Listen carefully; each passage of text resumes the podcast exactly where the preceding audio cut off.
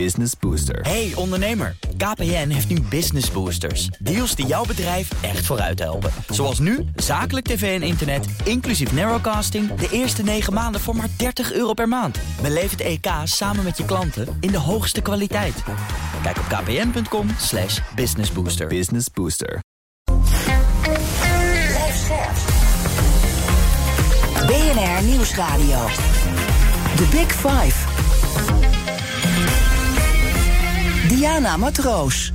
Corona, de oorlog, energie, stikstof, polarisatie, personeelstekort en klimaat. Ja, het is een hele trits. En we rennen dus van crisis naar crisis. En dat zijn bij uitstek tijden waar maatschappelijk betrokken leiders een cruciale rol kunnen spelen. Hoe zien zij die rol? Hoe komen ze los van de waan van de dag? En waar zien zij belangrijke oplossingen voor lastige vraagstukken? Daarvoor ga ik deze week met zichzelf in gesprek in BNR's Big Five van de maatschappelijke leiders. En vandaag doe ik dat met Jan de Ruiter. Hij is bestuursvoorzitter van Volker Wessels, eh, een van de grootste bouwbedrijven van Nederland. En ze zitten werkelijk in alles: woningbouw, utiliteitsbouw, industriebouw. En het is ook een internationaal opererend bedrijf. Denk aan het Verenigd Koninkrijk, een hoge snelheidslijn in opdracht van de Britse overheid, maar ook Noord-Amerika en Duitsland. Uh, Jan, ontzettend fijn dat je er bent. Dankjewel. Uh, ik wil het natuurlijk um, zo meteen uitgebreid gaan hebben over duurzaamheid. Want dat speelt natuurlijk ook bij al die crisis een rol. Dat we natuurlijk over het klimaat uh, moeten nadenken. Maar voordat ik dat ga doen, uh, wil ik twee dingen van je weten. En het eerste is, wat is voor jou nu als leider in deze tijd... Hè, ik noemde die hele trits net mm -hmm. op... het aller, allermoeilijkste? Um, ik denk dat het allermoeilijkste is dat we toch met z'n allen in een tijd uh, terechtgekomen zijn... dat we toch tegenover elkaar lijken te staan. Dus uh, zoals een collega van mij dat formuleerde... het lijkt erop dat er heel veel mensen zijn die op dit moment denken... dat je met hardschreeuwen problemen gaat oplossen. En ja, de vraag die ik mezelf stel is... hoe zijn we daar nou terechtgekomen? En belangrijker nog, hoe gaan we daar uitkomen? Uh, omdat we toch naar oplossingen toe moeten. Uh, debat op inhoud moeten voeren. En ja, wat mij dus heel erg bezighoudt... Waarom zijn we hier eigenlijk terechtgekomen? En dan een tweede, waar, wat ik dan maar meteen van je wil weten... heb je al een beetje een antwoord gevonden in die zoektocht? Nee, ik heb daar, er zijn heel veel deelantwoorden. Um, ik vraag me ook af of het antwoord heel belangrijk is. Ik denk dat de oplossing belangrijker is. Dat we zeggen, hoe gaan we ons nu met elkaar weer uh, ja, verenigen... om de problemen die we hebben, de uitdagingen die we hebben, uh, op te lossen. Want ik denk dat dat ook wel kan. Ja, en het raakte ook uh, jouw business uiteindelijk. Uh, want je staat natuurlijk voor dat bouwbedrijf. Ja, uiteindelijk. Als je, de, er zijn natuurlijk heel veel uitdagingen op dit moment... Uh, die ook een bouwbedrijf raken. Er is enorme volatility in prijzen van bouwmaterialen. Beschikbaarheid van bouwmaterialen is een probleem. Uh, beschikbaarheid van arbeid is vaak een probleem. Nou, een bouwproces is eigenlijk een logistiek proces. Dus op het moment dat daar disruptie in komt, uh, leidt dat tot gedoe. Laat ik het maar zo noemen. Stikstof is een probleem. Uh, inflatie en uh, de daaraan gekoppelde hoge en snelle rentestijging heeft natuurlijk ook weer impact op, op investeringsbeslissingen in de woningbouw. Nieuwe regulering in uh, huurwoningen is natuurlijk iets wat heel veel onzekerheid met zich meebrengt en waar we eigenlijk zo snel mogelijk van af moeten. En dan hebben we ook nog uh, het probleem dat uh, met name bij de centrale overheid tekorten lijken te zijn. Ik zeg met nadruk lijken, mm -hmm. om grote projecten aan te besteden. Dus de ambtenaren die allerlei dingen moeten beoordelen. Nou, ja, je, mag, ja. je mag niet aanbesteden als je het geld niet hebt. Maar ja. met een hoge inflatie eh, is de kans natuurlijk vrij groot dat wat je uitgerekend hebt een half jaar geleden, dat dat op dit moment te weinig is. En als je dus dan dat hele rijtje beschrijft, dan zeg je als je tegenover elkaar staat in een maatschappij, dan voel je dat ook bij die dossiers. Nou ja, dan gaat het in ieder geval een oplossing in de weg staan. En ik denk dat uh, de oplossingen zijn er wel, maar dan zou het waarschijnlijk zijn dat iedereen even een stapje naar het midden doet. Want ik denk dat die daar ligt. Ja. Maar als iedereen dat weigert, hebben we een probleem. Daar gaan we zo meteen uitgebreider op in. Want dat heeft ook met polarisatie in de samenleving Zeker, ja. te maken. En hoe dat ook weer um, nou ja, de, de werkvloer uiteindelijk uh, opkomt en de business uh, raakt.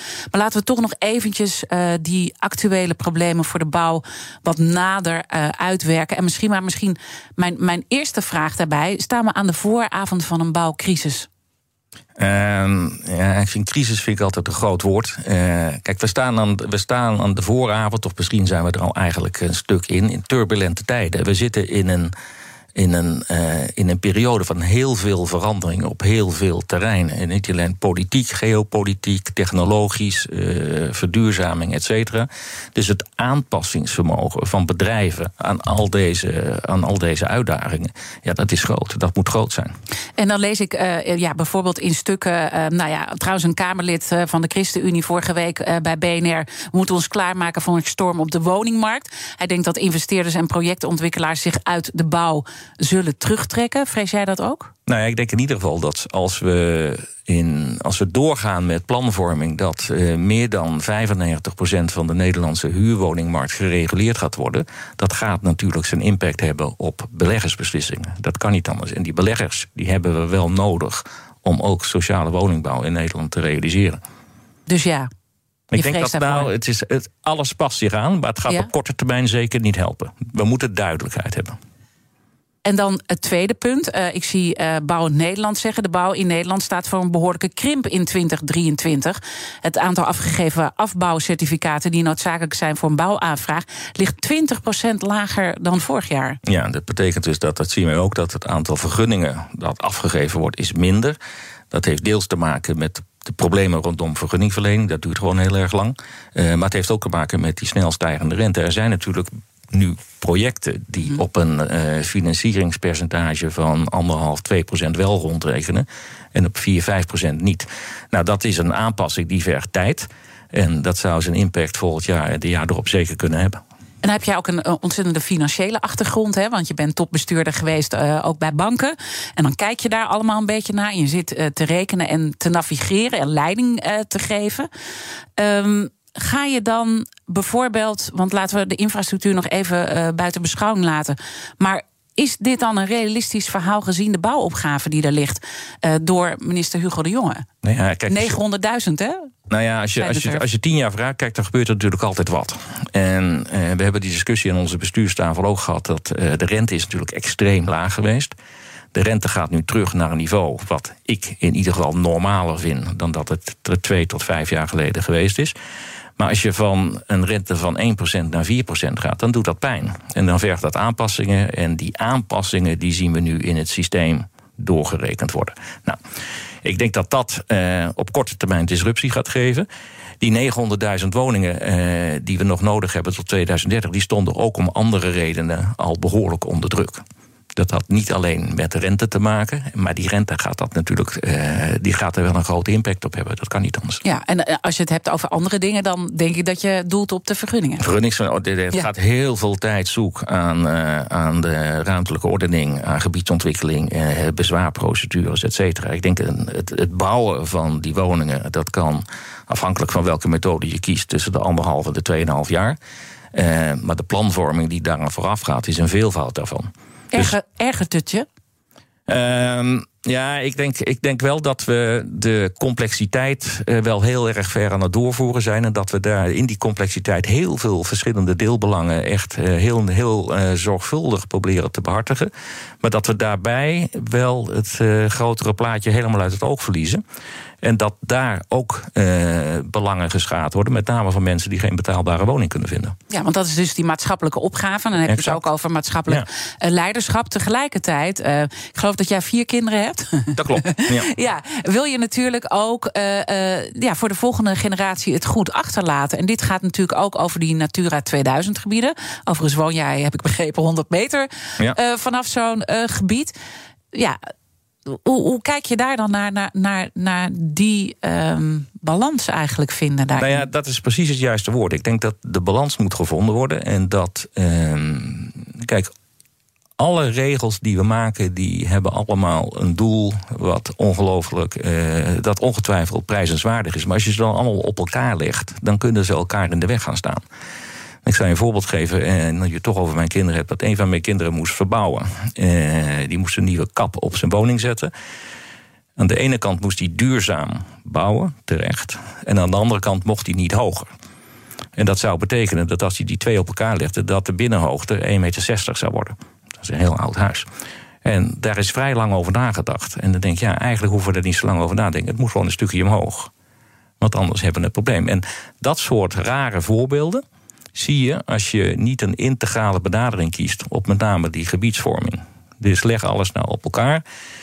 De Engelsen zouden zeggen: keep your eye on the prize. En daar zijn er ongetwijfeld beslissingen te nemen. We zeggen, Ja. nou, hier moeten we een beetje afwegen, daar doen we het heel erg goed. Maar per saldo is dit een goed besluit om het zo te doen. Ja, je verwijst ook naar de Britten eh, nu. Jullie werken ook in, in opdracht van de Britse overheid. Is daar een totaal andere mentaliteit dan we hier hebben? Ehm, ik weet niet of er een totaal andere mentaliteit is, maar ik denk dat met name, eh, we zijn nu heel druk bezig met High Speed 2 in de UK, eh, dat de besluitvorming op dat project gaat, heeft heel lang geduurd voordat het van start ging, maar nu het eindelijk van start gaat, eh, of is gegaan moet ik zeggen, zie je ook dat het wel heel voortvarend wordt aangepakt en dat de Britse overheid ook snapt dat zo'n project zich heel slecht laat inschatten qua kosten op dag één. Als je daar tien jaar mee bezig bent, dan moet je ook van tevoren incasseren dat er waarschijnlijk uitloop komt. The Big Five. Diana Matroos. Mijn gast is Jan de Ruiter, bestuursvoorzitter van Volker Wessels, een van de grootste bouwbedrijven van Nederland. Eh, je schetst nu eh, tal van eh, problemen. Ehm, ja, ik denk dus die ambitie van die 900.000 van Hugo de Jonge gaan we op deze manier niet halen. Dat wil ik toch nog even zeker bij je peilen. Nou, ik denk is. het is, het is een hele Moet stevige ambitie. lukken, ja. het is een hele stevige ambitie. En hij heeft nu eh, aangegeven dat er flexwoningen en transformaties bij komen. Hè, dus dat zou misschien de zaak nog wat kunnen versnellen. 37.000 hè, zijn het er geloof Klopt, ik. per jaar. En als je kijkt, maar als je kijkt naar het aantal verleende bouwvergunningen dit jaar, dan leidt dat tot vertraging in de toekomst. Die huizen worden natuurlijk niet nu opgeleverd, die moeten nog gebouwd gaan worden. Maar het is echt een enorme uitdaging. En dan moeten we, als we dat willen halen, moeten echt alle zeilen bijgezet worden. En als we dat niet doen, dan wordt het heel lastig. Dan wordt het eh, heel lastig. En dan vraag ik me af hoe je daarbinnen navigeert. Hè. Ben jij dan, wat voor type leider ben je dan? Ja, ik denk dat waar wij naar kijken is. Uh, Volker Wessels is een, uh, een bedrijf wat al heel lang bestaat. Hè. Uh, ons oudste bedrijf is van Hattem en Blankenvoorts, opgericht in 1832. Dus daar hebben we vorig jaar de 190ste verjaardag van gevierd. En de filosofie die wij aanhangen, eh, is dat wij dit bedrijf beter gaan doorgeven aan de volgende generatie. En dat hebben de generaties voor ons ook gedaan. En idealiter zou ik zeggen, dit bedrijf moet de komende 190 jaar ook gewoon zijn maatschappelijke opgave kunnen blijven leveren. Nou, hoe doe je dat? Ik denk dat eh, daar moet je een stakeholder management principe aan uh, aanhangen. Dus uh, de aandeelhouder is vanzelfsprekend heel belangrijk. Uh, 17.000 medewerkers zijn heel belangrijk. Die mensen moeten voor ons willen werken. Het is niet zo. Mm -hmm. we moeten een om omgeving weten te creëren dat ze echt graag bij ons willen werken. Um, maar dat, meen, dat, betekent ook dat je op allerlei gebieden in de, in de maatschappijen waar je werkt, je bijdrage moet willen, willen leveren. Dus normaal je belasting betalen, onderdeel worden van het systeem, part of the fabric. En dat proberen we te doen. Ik denk dat dat in heel veel gevallen lukt, soms ook niet. Uh, dan herstellen we dat. Uh, maar dat is de doelstelling van het bedrijf. Dus je wil uiteindelijk ook iets betekenen voor die maatschappij. Dan probeer ik toch ook. Uh, want ben je dan een maatschappelijk leider? Of, of zou nou je ja, zelf dat anders is een ander om te bepalen. Maar ik denk wel dat, dat, je je, dat je je echt bewust moet zijn van de omgeving waarbinnen je opereert. En dat je daar. Uh, rekenschap aan moet geven. En nogmaals, het bedrijf kan alleen maar succesvol zijn als al je stakeholders tevreden zijn. Dus die balans moet je weten te vinden. Uh, ik herinner uh, onze mensen er ook wel eens aan, inclusief mijzelf. We hebben een dienstverband met dit bedrijf. Hè. We zijn in dienst van dit bedrijf, dus dat bedrijf moet door. En dat kunnen we alleen maar doen als we de juiste balans weten te vinden. Als we een van die stakeholders eindeloos lang uh, op het podium zetten en de andere verwaarlozen, dan ben je je bedrijf aan het verwaarlozen. En waar blijkt dat dan uit uh, dat jullie dat doen? Op welke knop druk je dan meer, waardoor je echt iets teruggeeft aan die maatschappij? Nou, om je een voorbeeld te geven. We zijn een paar jaar geleden begonnen met. Uh, hebben we een bedrijf opgericht. Overigens op verzoek van een aantal medewerkers. Die met dat idee bij ons kwamen. om Volker Wessels inclusief op te richten. En dat bedrijf richt zich erop om gemiddeld tussen de 50 en de 75 mensen per jaar. met een afstand tot de arbeidsmarkt in dienst te nemen. persoonlijk te begeleiden en dan van een echte baan te voorzien. Dus niet een baan uh, die we verzonnen hebben, maar echt een echte baan waar wij dus wat aan hebben en waar zij wat aan hebben. Nou, dat is best een taai project, maar dat lukt inmiddels aardig. Maar dat is een goed voorbeeld waarvan ik denk, ben er ook een beetje trots op, dat je zegt van dat is heel concreet. Ehm, we doen het centraal. Dus al onze werkmaatschappijen kunnen die mensen bij ons inhuren. Ze moeten er gewoon voor betalen. Ehm, en dan zeg je ja, 50 tot 75 man. Weet je, als je dat maar lang genoeg volhoudt, is het toch een bijdrage. Nou ja, en het is ook een bijdrage aan het personeelstekort. Want daar hebben we nog niet Oh. even eh, over gesproken. Dat komt straks nog wel aan de orde. Maar dat is natuurlijk ook een groot probleem eh, wat iedereen eh, moet dichten. Is de duurzaamheidsambitie ook iets wat in dat maatschappelijk leiderschap past voor jou? Ja, ik denk dat. ehm, Want tegelijkertijd zeg je, we moeten balanceren. Hè? Dus Je dat, moet, dat- ja, ja. Dus, kijk, je moet balanceren. Dus wij, wij hebben ons. eh, dus we kijken naar personeel. We hebben vakschool eh, opgericht om ons eigen personeel ook verder op te leiden. Ehm, op het gebied van duurzaamheid hebben we eigenlijk eh, een paar jaar geleden de zaak in een aantal KPI's teruggebracht. Want iedereen is voor duurzaamheid. Maar als je dan vraagt wat ga je dan morgen anders doen, dan blijft het meestal stil. Dus wij hebben in overleg met onze klanten eh, een aantal zaken vastgesteld. Circulair bouwen is natuurlijk een hele belangrijke. Eh, maar de allerbelangrijkste als je met onze klanten praat is de reductie van CO2. Dus we hebben hele concrete doelstellingen op die CO2-reductie. Onze meetlat is 2019. Toen was de uitstoot van Volker in Nederland op scope 1 en 2 uit mijn hoofd 135 kiloton. En we hebben gezegd dat moet in 2027 terug naar 34. En de ambitie is om in 2030 dat op nul te hebben. En is nu met al die crisis die, ik, eh, eh, die wij ook samen hebben doorgenomen, komt daar dan een rem op? Want je moet natuurlijk wel ook een gezond financieel eh, bedrijf houden. En ja, dit kost natuurlijk ook allemaal geld. Ja, ik denk dat voor mij is dat heel erg de discussie of-of tussen en-en. Ik denk dat het. Je kunt het rustig doen en je kunt ook nog een financieel gezond bedrijf blijven. Alleen, je moet het in een tempo doen eh, dat je de markt bijhoudt of dat je niet te ver vooruit loopt. Want uiteindelijk, eh, als wij gaan elektrificeren en we gaan asfalt produceren eh, zonder dat er CO2 bij vrijkomt, dan zal het ongetwijfeld duurder zijn. Als wij de enige zijn die dat nu doen, dan heeft het niet zo heel veel zin. Maar op het moment dat onze klanten dat gaan uitvragen en er ook voor gaan betalen, dan is het geen enkel probleem. Ja, maar dan, maar dan zit je dus ook in een balans met je klant. Ja. eh, dat die ook moet eh, meebewegen. Want alles hangt aan elkaar. Tegelijkertijd moet je ook lef tonen. Eh, hoe ga je met dat spanningsveld om? Nou, een aantal dingen kunnen we doen, want er liggen de kosten redelijk dicht bij elkaar. We hebben een, een, een studie gemaakt van is een elektrische auto nu duurder of goedkoper dan een eh diesel aangedreven auto. Nou, dat is eigenlijk afhankelijk van de inputvariabelen om wat de uitkomst is. Nou, ik denk dat het heel dicht bij elkaar ligt. Misschien op dit moment ietsje duurder vanwege de hoge gasprijzen. Maar per saldo hebben we eh, in ons infabedrijf het besluit genomen dat alle gele kentekens eh, die we vanaf begin 2022 aanschaffen, allemaal elektrisch zijn. Ja, dus Nou. dat is dan zo'n punt wat je eruit pakt. Maar bijvoorbeeld, eh, ja, jullie werken ook veel met cement. En we weten dat dat echt Ja. een groot probleem is. Dat klopt. En dat kan ik ook niet oplossen. Dat kan ik, ik- wat ik kan doen is geen cement meer gebruiken.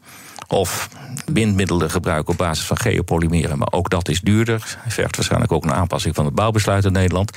De cementindustrie zelf roept dat ze ook in 2030 dat probleem hebben opgelost. Want het grootste deel van die CO2-uitstoot zit in die cementproductie. Ja, maar kan je ze onder druk zetten op een bepaalde manier? Of kan dat niet? Nou, Want je ik zegt, ik kan geen invloed uitoefenen. Maar je bent eh, ja, een van de grootste bouwbedrijven natuurlijk van Ja, dit maar eh, zelfs als je een van de grootste bouwbedrijven bent, is je marktaandeel zodanig klein ten opzichte van de cementindustrie, eh, die redelijk geconcentreerd is. Dus ik heb niet de illusie dat wij die onder druk kunnen zetten, maar dat hoeft ook niet. Want ik denk dat de boodschap aan die kant ook echt wel helder is dat zij wat aan moeten doen. Dus in die zin wordt de urgentie gevoeld. En dan eh, merk ik toch, eh, nou, als ik ook zeg dat ik jou te gast eh, heb... en we gaan het over maatschappelijk leiderschap hebben en duurzaamheid... ja, hoe zit dat dan met dat circuit in Zandvoort? Want dat is... jullie zijn hoofdsponsor, maar ook eh, nou ja, verantwoordelijk geweest... Ja. voor de hele eh, verbouwing daar. Nou ja. Dat is toch niet echt een, eh, een duurzaamheidsverhaal? er Ja, nee. Ik denk dat, nou, allereerst om te zeggen, ik, ik, ik vind niet dat duurzaamheid, het acteren op duurzaamheid betekent dat alle leuke dingen niet meer mogen. Dus dat vind ik, ik ben Dus heel erg. daar moeten we balans vinden. Ja, ik denk ook dat het heel erg en-en is. Hè? Want dan roepen de mensen, de Tour de France zou dan veel, veel duurzamer zijn... want dan ziet iedereen op de fiets. Ja, want ik weet niet, als je daar wel eens kijkt... dan zitten heel veel auto's voor en achter. Ehm, ik denk dat ook daar weer voor geldt... dat eh, die evenementen ook duurzamer moeten worden. Dus alles wat we in dit, uh, in dit land en op deze planeet doen, idealiter moeten we duurzamer maken. Maar ik denk niet dat de oplossing is dat we, dat we allemaal thuis blijven zitten en niks meer leuks doen. Want dan wordt er ook een beetje depressief van. Is, zijn dit ook de discussies die je in de boardroom dan ja, we hebben, hier, we hebben hier nadrukkelijk over gesproken. Toen we de Formule 1 gingen sponsoren van dit, uh, willen we dit. En dit, de vraag die jij stelt, die werd intern ook gesteld. Die werd ook gesteld bij onze Centrale Ondernemingsraad. En dat is een hele valide vraag. En wij hebben deze keuze gemaakt. Uh, daar staan we 100% achter. We hebben er ook heel veel profijt van. Het is, uh, als we naar Zandvoort gaan, uh, dan zit op vrijdag zitten heel veel mensen van ons bedrijf daar op de tribune. Heel veel vrijwilligers van Volker Wessels lopen daar drie, vier dagen rond. dus het leeft enorm. Uh, mensen vinden het leuk. Uh, dus wij denken dat we daar een goed besluit hebben genomen. Maar niet iedereen zal het ermee eens zijn. Nee, en dat, dat hoeft misschien mag, ook niet. Mag, hè? Dat, dat, mag. dat, mag. ook niet. Maar, maar, jullie maken wel echt die afwegingen en ja. hebben ook pittige discussies. Hebben jullie überhaupt pittige discussies over duurzaamheid? Um, ik denk dat iedereen bij ons het belang van duurzaamheid onderkent. Um, de discussie is eerder de snelheid waarmee we bepaalde zaken moeten doen. En dat heeft weer alles te maken met het in balans houden van alle, alle belangen binnen het bedrijf. Kijk, als het bedrijf uh, eronder gaat lijden. Uh, met een lange ei, dan hebben we een probleem. Want het bedrijf moet natuurlijk financieel wel gezond blijven. Want zonder bedrijf kunnen we dit niet doen. Ja, maar de druk van buiten wordt natuurlijk uh, ook steeds groter. We hebben het nog niet eens gehad over die belangrijke zaak uh, die 2 november dient bij de Raad ja. van State, Portos. dat heeft ook weer nou ja, te maken met. Misschien moet je het even heel kort uitleggen. Nou ja, de Portos, er de, de, de komt, het zal ergens één deze dagen moeten zijn, wordt het arrest Portos uh, uh, 2 november heb ik me laten 2 november nu, oké, door, de, door de Raad van State. En wat daar op het spel staat, met name voor de bouw, is of de, de generieke vrijstelling die de bouw nu heeft voor de bouwfase van woningen, voor stikstofdepositie, dat die mogelijk komt te vervallen. Nou, die bouwvaart, die, die, die, die generieke vrijstelling, die is, denk ik, medio 2022 uh, van kracht geworden. Daar is wetgeving gekomen. Overigens op basis van een aanbeveling uit het eerste rapport van Johan Remkes. Uh, die gezegd heeft: de bouw stoot heel weinig stikstof uit tijdens de bouwfase van woningen. Dus als je die projecten door wil laten gaan, laten we dan gewoon zeggen: geen vergunning aanvragen. Als jullie daar twee jaar bezig zijn, dan is het prima. Nou, als dat komt te vervallen. Uh, dan gaat de complexiteit toenemen. Dat betekent dat we dus wel voor bouwprojecten die dicht bij Natura 2000 gebieden liggen, die vergunning weer moeten aanvragen. Uh, die areas calculator erop los moeten laten, mitigerende maatregelen. Uh, dat kan allemaal, want dat ja. was eigenlijk feitelijk dezelfde situatie die we hadden na 2019, toen uh, mm -hmm. pasarrest uh, ge gegeven werd. Uh, maar dan gaan we met een, met een hele grote, met een hele grote klap een heel klein probleem tackelen. Want de, ja. de depositie van de bouwfase is niet zo groot. Er staat veel op het spel. Laten we dan zo meteen uh, verder praten hoe je daarin uh, navigeert. Uh, Jan de Ruiter, bestuursvoorzitter van Volker Wessels, een van de grootste bouwbedrijven van ons land. Blijf luisteren. Business Booster. Hey ondernemer, KPN heeft nu Business Boosters. Deals die jouw bedrijf echt vooruit helpen. Zoals nu, zakelijk tv en internet, inclusief narrowcasting... de eerste 9 maanden voor maar 30 euro per maand. Beleef het EK samen met je klanten in de hoogste kwaliteit. Kijk op kpn.com slash Business Booster. Business Booster. Een berichtje van Odido Business. Hoe groot je bedrijf ook is of wordt, bij Odido Business zijn we er voor je. Met unlimited data en bellen en met supersnel en stabiel zakelijk internet. Ook via glasvezel. Ontdek wat er allemaal kan op odido.nl slash business. Het kan ook zo.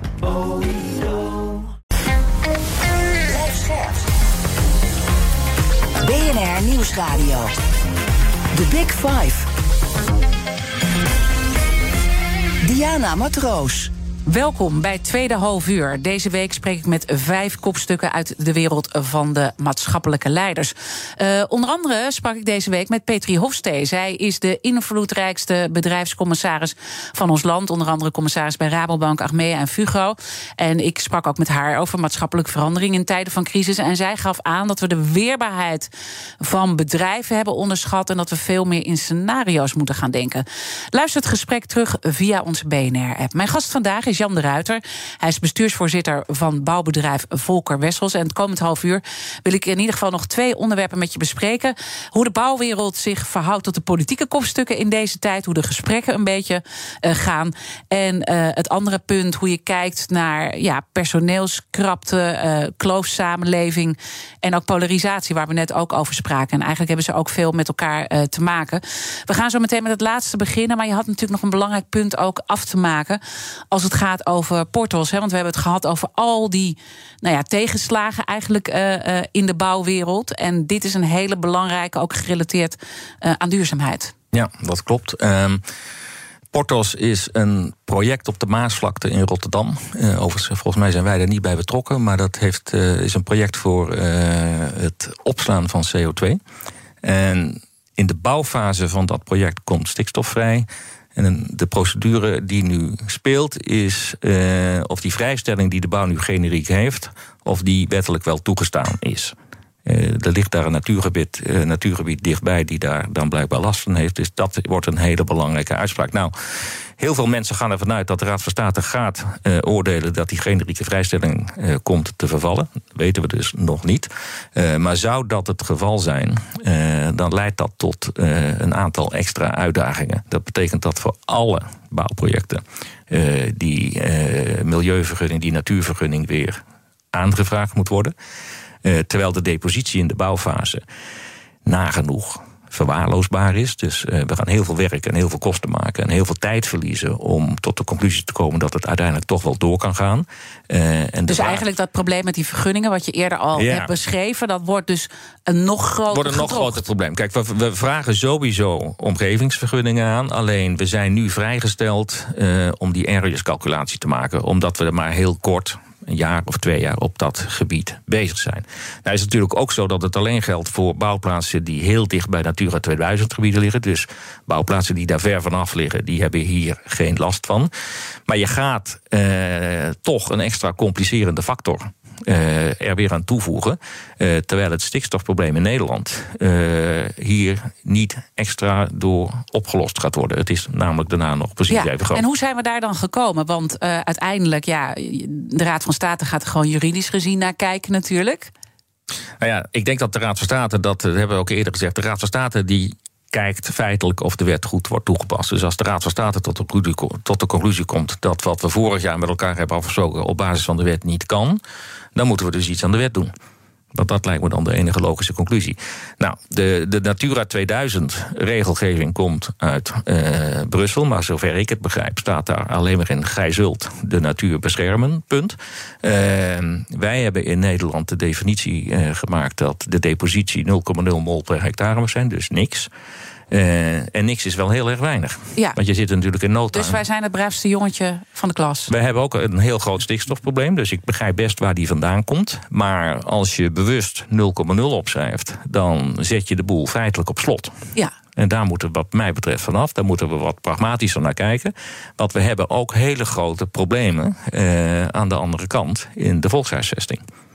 Dus ook daar die 900.000 woningen gaan vanzelf, opleveren. vanzelf. Ja, dus. Daar, ook daar moet de balans gevonden worden. Dus we moeten proberen een situatie uh, te creëren waarbij we uh, en-en hebben in plaats van of-of. En dat hadden we met, of dat hebben we met, Ja. die, met, die, met die bouwvrijstelling uh, nu wel. Want heel veel kan nu gewoon doorgaan zonder dat we de belemmering hebben.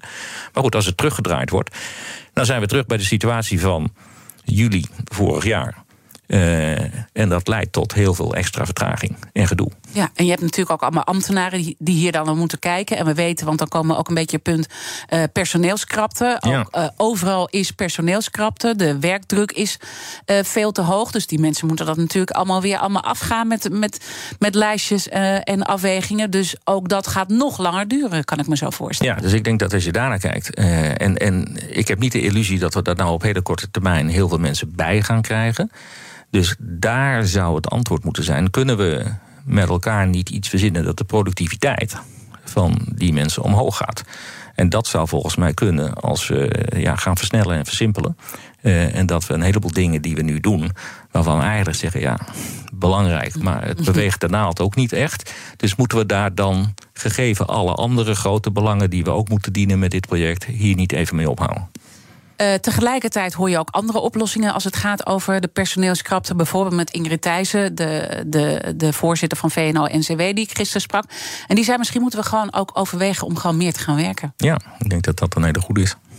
We moeten het wel lonend maken. Hè. Daar heeft het volgens mij ook over gehad. Dat, uh, dat het dan niet zo kan zijn dat als je acht uur langer gaat werken... van 32 naar 40, dat je er inkomen op achteruit gaat. Dat lijkt me niet verstandig. Maar ja, vanzelf, dat is, uh, dat is ook een oplossing. Maar productiviteit, dus meer output per gewerkte uur... Dat zou natuurlijk ook heel prettig zijn. Ja, en, en dan uh, heb je het over uh, robotisering en, en al dat soort kan, uh, maar ook, maar ook een, nou, noem een voorbeeld. Als je een dossier compleet moet hebben voor een vergunningsaanvraag en je mist twee stukken. Een beetje door de vingers kijken. Nou ja, terwijl je weet dat die twee stukken, als je ze morgen krijgt, het besluit niet anders gaat maken dan wat je het besluit nu zou nemen. Ja, dan is voor mij de vraag: moeten we daarop wachten dan? Ja, en, en, en, en zit daar ook een soort ergernis onder als, bij jou? Nou, je, er zit zegt het een beetje zo rustig. Nee, er zit, ik voel een beetje venijn. Er zit, nee, er zit geen ergernis onder. Maar ik denk dat we. Uh, wat ik eerder zei in dit gesprek: keep your eye on the prize. Het gaat om echte problemen van echte mensen. En als je dan. Uh, alleen maar lijstjes afvinkt om een dossier compleet te hebben, terwijl je weet wat er al uitkomt. Dan denk ik, ja, weet je, kunnen we dan niet de, de procedure zodanig organiseren dat er veel meer uh, onafhankelijk nadenken wordt toegestaan. En dat mensen gewoon een pragmatisch besluit kunnen nemen. Zonder dat ze daar dan overigens de volgende dag door een leidinggever erop worden afgerekend. Ja, want dat, dat, dat, dat, niet dat, dat, dat, is natuurlijk een beetje de sfeer die we met elkaar hebben. Eerder sprak ik met Petri Hofstee, de invloedrijkste commissaris van ons land. En die zei: We moeten ook meer met elkaar durven twijfelen over dingen. Meer het, het gesprek aangaan. Ook zeggen waar je onzeker bent. En daar hoort dus zeker geen afrekencultuur bij. Want Nee. doordat we dat hebben, is dat. Hoe, hoe kijk jij daarnaar? Nee, ik ben het helemaal met haar eens. Kijk, we gaan, natuurlijk gaan we fouten maken. En eh, op het moment dat we die fout maken, goed bedoeld... eh, en, de, en de, de, de repercussies zijn te overzien, dan zij dat zo. Maar als je van de tien dingen er acht goed doen, helemaal goed, prima. En ik denk dat eh, we dus meer zicht moeten hebben op... eh, de snelheid van processen, zodat iedereen door kan. Hè? Mijn jongste dochter zou zeggen, we moeten door, papa. Zeg, nou, ik denk dat dat hier ook geldt. Eh, als, je, als je alles hebt en je kan een besluit nemen, eh, laten we dan dat besluit nemen. En accepteren dat er soms ook een besluit genomen wordt, wat misschien met de kennis van dan anders genomen had moeten worden. Dat is altijd zo. Ja, en waarom is het toch zo moeilijk om daarin eh, te veranderen? Hè? Want, want volgens mij roep je dit al heel lang en het kom- komt niet echt door. Nou ja, het is natuurlijk heel veilig om je vast te houden aan allerlei lijsten. eh, want dan heb, je het, dan heb je het goed gedaan. Dat klopt. Maar eh, ik zie dat ook in, eh, binnen Volker Wessels. eh, weet je, veiligheid is natuurlijk een heel belangrijk thema. Als ik aan onze mensen op de bouwplaatsen ga vragen hoe we het moeten organiseren. Is het eerste wat ze zeggen: niet meer regels, maar gewoon doen wat we met elkaar afgesproken hebben. En niet incidentmanagement gaan plegen op het moment dat er wat gebeurt en weer tien nieuwe regels verzinnen. Want we hebben die regels, we moeten ze gewoon naleven. En jij spreekt hier, neem ik aan, ook over met de minister. Eh, je, je bedoel, je op hoog niveau heb je gesprekken. En we hebben op hoog niveau gesprekken. Ehm, ook daar geldt. Maar goed, in de politiek is het natuurlijk eh, een stuk lastiger. Eh, ik, eh, ik zie ook dat met, wat is het, 19 partijen in de Kamer. ehm, het een hele ingewikkelde situatie is geworden. Dus mijn advies aan de politiek zou zijn, wat ooit een collega mij heeft uitgelegd: eh, blijf bij de feiten. Geen bijvoeglijke naamwoorden gebruiken en niet je stem verheffen. Dus de, de echte discussie gaan voeren op de inhoud. Eh, en dat gebeurt op dit moment eigenlijk veel te weinig. Business Booster. Hey ondernemer, KPN heeft nu Business Boosters. Deals die jouw bedrijf echt vooruit helpen. Zoals nu, zakelijk tv en internet, inclusief narrowcasting... de eerste 9 maanden voor maar 30 euro per maand. Beleef het EK samen met je klanten in de hoogste kwaliteit. Kijk op kpn.com slash businessbooster. Business Booster. Een berichtje van Odido Business. Hoe groot je bedrijf ook is of wordt, bij Odido Business zijn we er voor je. Met unlimited data en bellen en met supersnel en stabiel zakelijk internet. Ook via glasvezel. Ontdek wat er allemaal kan op odido.nl/slash business. Het kan ook zo. BNR Nieuwsradio. The Big Five. Diana Matroos. Je luistert naar BNR's Big Five van de maatschappelijke leiders. Morgen praat ik nog met Martijn Snoep, de baas van de Autoriteit Consument en Markt, de ACM. Mijn gast vandaag is Jan de Ruiter. Hij is bestuursvoorzitter van bouwbedrijf Volker Wessels. En mijn gasten stellen elkaar vragen via de kettingvraag. Gisteren, ik noemde er al even, sprak ik met Ingrid Thijssen, de voorzitter van werkgeversvereniging VNO-NCW. En Ingrid had deze vraag voor jou. Ja, de bouwbedrijven nou, die zitten natuurlijk ook in het oog van de storm op dit moment. Van alle crisissen die er zijn, uh, kunnen daar natuurlijk ook heel erg helpen in op te lossen. Het gaat over aanleggen van energieinfrastructuur. Maar ook het bouwen van uh, uiteindelijk uh, bijna een miljoen woningen de komende tien jaar. Nou, daar is natuurlijk forse tegenwind, met name als het ook gaat over die woningen. Door alle prijzen van materialen, van energie, hebben een stikstofvraagstuk. ja, er is veel tegenwind en ik ben heel erg benieuwd hoe hij kijkt naar wat je daar dan als, als bouwbedrijf desalniettemin toch gaan kunt doen om het voor elkaar te krijgen dat we die huizen gaan bouwen? Um, ja, dat is, daar kunnen we zeker wat aan doen. Want wij uh, we moeten door de aanpassing heen van uh, de bouwkosten en de grondprijzen uiteindelijk als je kijkt naar uh, wat de prijs van een huis bepaalt, dan is het enerzijds de waarde van de grond waar dat huis op staat. En anderzijds de bouwkosten. Nou, de bouwkosten gaan omhoog. Er is inflatie. Bouwmaterialen die, uh, die zijn heel erg sterk gestegen. Die zullen ongetwijfeld wel ietsje afkomen. Maar integraal gaan de bouwkosten omhoog. Dus de grondprijzen zullen naar mijn idee uh, naar beneden gaan om uiteindelijk vraag en aanbod weer bij elkaar te krijgen. Dus het, het, gaat dan toch lukken? Of, niet? Nou, of, of die 900.000 gehaald gaan worden, uh, dat is de vraag. Uh, dat is ook op basis van de huidige inschattingen van wat we nodig hebben. Hè. Het is enerzijds de groei in het aantal huishoudens wat dat dicteert. En die zitten op korte termijn, is het CBS moet geloven, eerder rond de 90.000 per jaar. En het gaat vanaf 2025 afvlakken. Uh, als het aantal huishoudens uh, minder hard zou groeien als gevolg van de huidige economische omstandigheden, uh, dan heeft dat natuurlijk ook een dempend effect op wat we nodig hebben.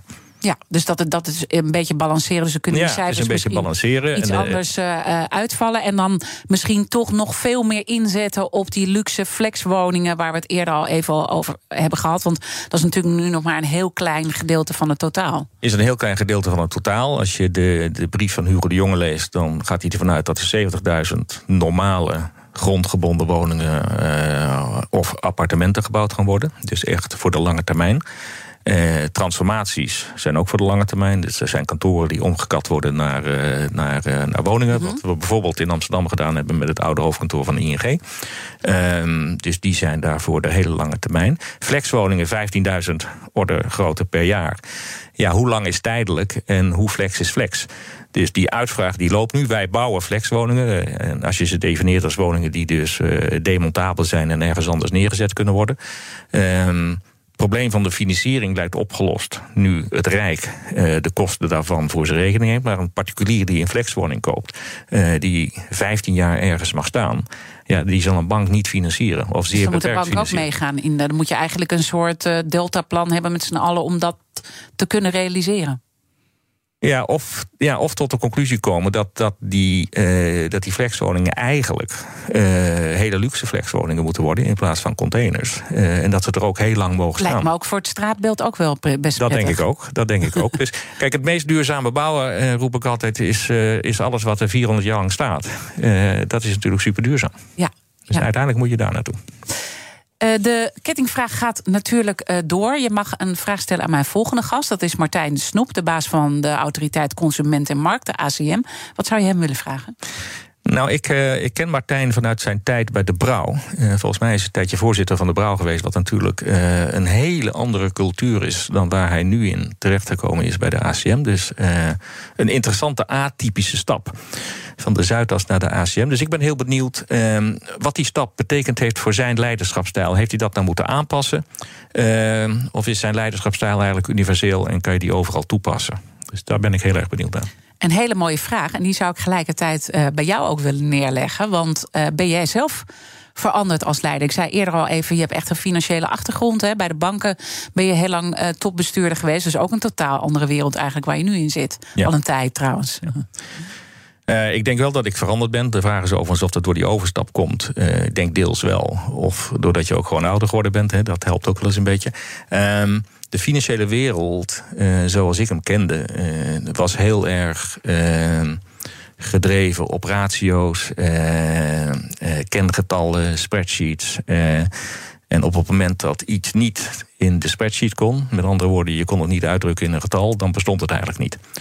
En ik vond het een beetje een cultuur worden. Ik ben er weggegaan in 2015 uh, dat het onafhankelijk nadenken wel heel erg laag, op een laag pitje stond. Wat ik bij Volker Wessels geleerd heb, uh, ook met dank aan mijn collega's, is dat toch heel veel besluitvorming een stuk intuïtiever gaat. En dat we de conclusie komen, nou, dit voelt wel goed om het zo te doen. We weten eigenlijk nog niet helemaal wat er is. 80%, 90% denken dat dit goed is, laten we het maar doen. En de rest regelt zich onderweg wel. En dat is ook best logisch bij dit bedrijf. Want je bent een projectenbedrijf. Dus eh, als er op een project iets gebeurt. Uh, wat direct aandacht behoeft, dan hebben we niet de tijd om, uh, om daar uh, eerst eens een PowerPoint over te maken en zes weken later over te gaan vergaderen. Dan moeten we het echt snel oplossen. Dus dicht op de bal, weten wat er in je bedrijf gebeurt, is heel belangrijk. En dat is dus precies, want zo begonnen we eigenlijk ons gesprek, waar jij je dus nu zorgen over maakt in Nederland. Dat je zegt, uh, je moet ook intuïtief durven handelen op basis van vertrouwen. En we staan in een maatschappij nu uh, tegenover elkaar. Dat merk je natuurlijk ook in de politiek heel duidelijk uh, naar voren komen. En ja, dat heeft ook allerlei redenen. Is dat wat je hoopt dat er verandert in Nederland? Nou, ik hoop het niet alleen, maar het moet ook echt gebeuren het moet ook echt gebeuren. Ik denk dat, uh, en overigens is het niet alleen in Nederland, hè, want je ziet het helaas in, uh, in, in heel veel landen gebeuren. Uh, waarbij je je afvraagt: zit u er nou voor mij of ben ik hier voor u? En uiteindelijk zou ook in de politiek de dienstbaarheid naar de samenleving wel wat omhoog kunnen. In plaats van dat we elkaar gaan vertellen, elkaar gaan vertellen wat we van elkaar vinden.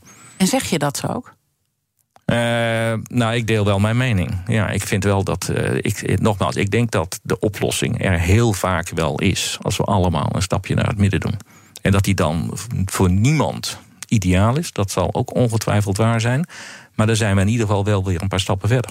En hoe wordt er dan gereageerd als je dat soort dingen zegt? Nou, ik ben, ooit heeft iemand tegen mij gezegd dat ik totaal ongeschikt ben voor de politiek. Uh, daar was ik overigens met hem eens. ja, precies. Dus dat, dat klopt. Ehm, en dan, ja, dan wordt jou uitgelegd uh, waarom het allemaal zo moeilijk is. En ook dat begrijp ik. En ik wil het ook helemaal niet uh, uh,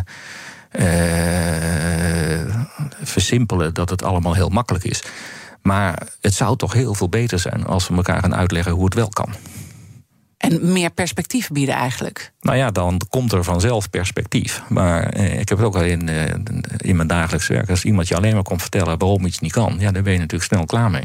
Want uiteindelijk wil je horen hoe het wel kan. Ja, en tegelijkertijd hoor ik ook van geef eerlijk het verhaal aan als je het niet kan. Ja. Uh, want, want misschien kijken we ook wel te veel naar de overheid om dingen op te lossen. En Zeker. Die overheid is alleen maar kleiner geworden. En uh, ja, ik, ik citeer hem vaak hier in deze uitzending, Herman Tjenk Willink. Die, die zegt, die, die he, zei helemaal aan het begin al van die coronacrisis. Je moet ook elke keer afvragen: kan die overheid dit allemaal wel aan? Nou, dat is een heel fair punt. Ik moet wel zeggen, met, uh, ik was zeer positief verrast aan het begin van de coronatijd. Dat was dan preek ik maart 2020. Ja. Dat wij eh, met behulp van Binnenlandse Zaken en het RIVM en Bouwend Nederland in no time, echt werkelijk in no time, een protocol hadden waarmee de bouw door kon. En uh, dat gaf mij wel. Ja, was voor mij wel een beetje een eye-opener. Het kan wel. Als de druk maar hoog genoeg is, dan is deze overheid echt wel in staat om te acteren. Ja, maar dat is het interessante. De druk is nu nog hoger. Dat eigenlijk. denk ik ook. En, dus, en, en toch denk ik, komt ja. er een soort verlammingsfase of zo, lijkt erop nou, te wat ik heel, ja, wat ik, wij, hebben, wij hebben gevraagd via Bouwend Nederland... wij willen graag een verruiming van de werkkostenregeling 2022. Er is een motie aangenomen in het parlement om die te verruimen. Uh, die is aangenomen. En dan vindt de verruiming plaats vanaf 1 januari 2023. En dan zeg ik, ja, daar heb ik nou, daar heb ik ook wat aan. Dus ik heb er niet helemaal niks aan, ik heb er wel wat aan. Maar, zou... pak nou even door. Ja, ik zeg, pak nou even door. Verruim hem nou ook voor 2022. Dan kunnen wij nog wat extra doen, zouden we dat willen... voor een deel van onze mensen voor de kerst. Want daar gaat het natuurlijk om. En dan wordt het allemaal weer zo ingewikkeld. Terwijl ik denk, ja, ik zou dat besluit in een kwartier nemen. Nou, dit is in ieder geval een heldere boodschap aan uh, Politiek Den Haag. En ik wilde je heel erg danken voor al jouw inzichten in het afgelopen uur. Jan de Ruiter, hij is de bestuursvoorzitter van bouwbedrijf Volker Wessels. Alle afleveringen van BNR's Big Five zijn dus al altijd terug te luisteren. Abonneer je op onze podcast via onze app of je favoriete podcastkanaal. Dan mis je geen aflevering. Maar blijf live. Zometeen BNR breekt. Ik wens je een mooie dag. Business Booster. Hey ondernemer, KPN heeft nu Business Boosters. Deals die jouw bedrijf echt vooruit helpen. Zoals nu, zakelijk tv en internet, inclusief narrowcasting... de eerste 9 maanden voor maar 30 euro per maand. Beleef het EK samen met je klanten in de hoogste kwaliteit. Kijk op kpn.com businessbooster. Business Booster.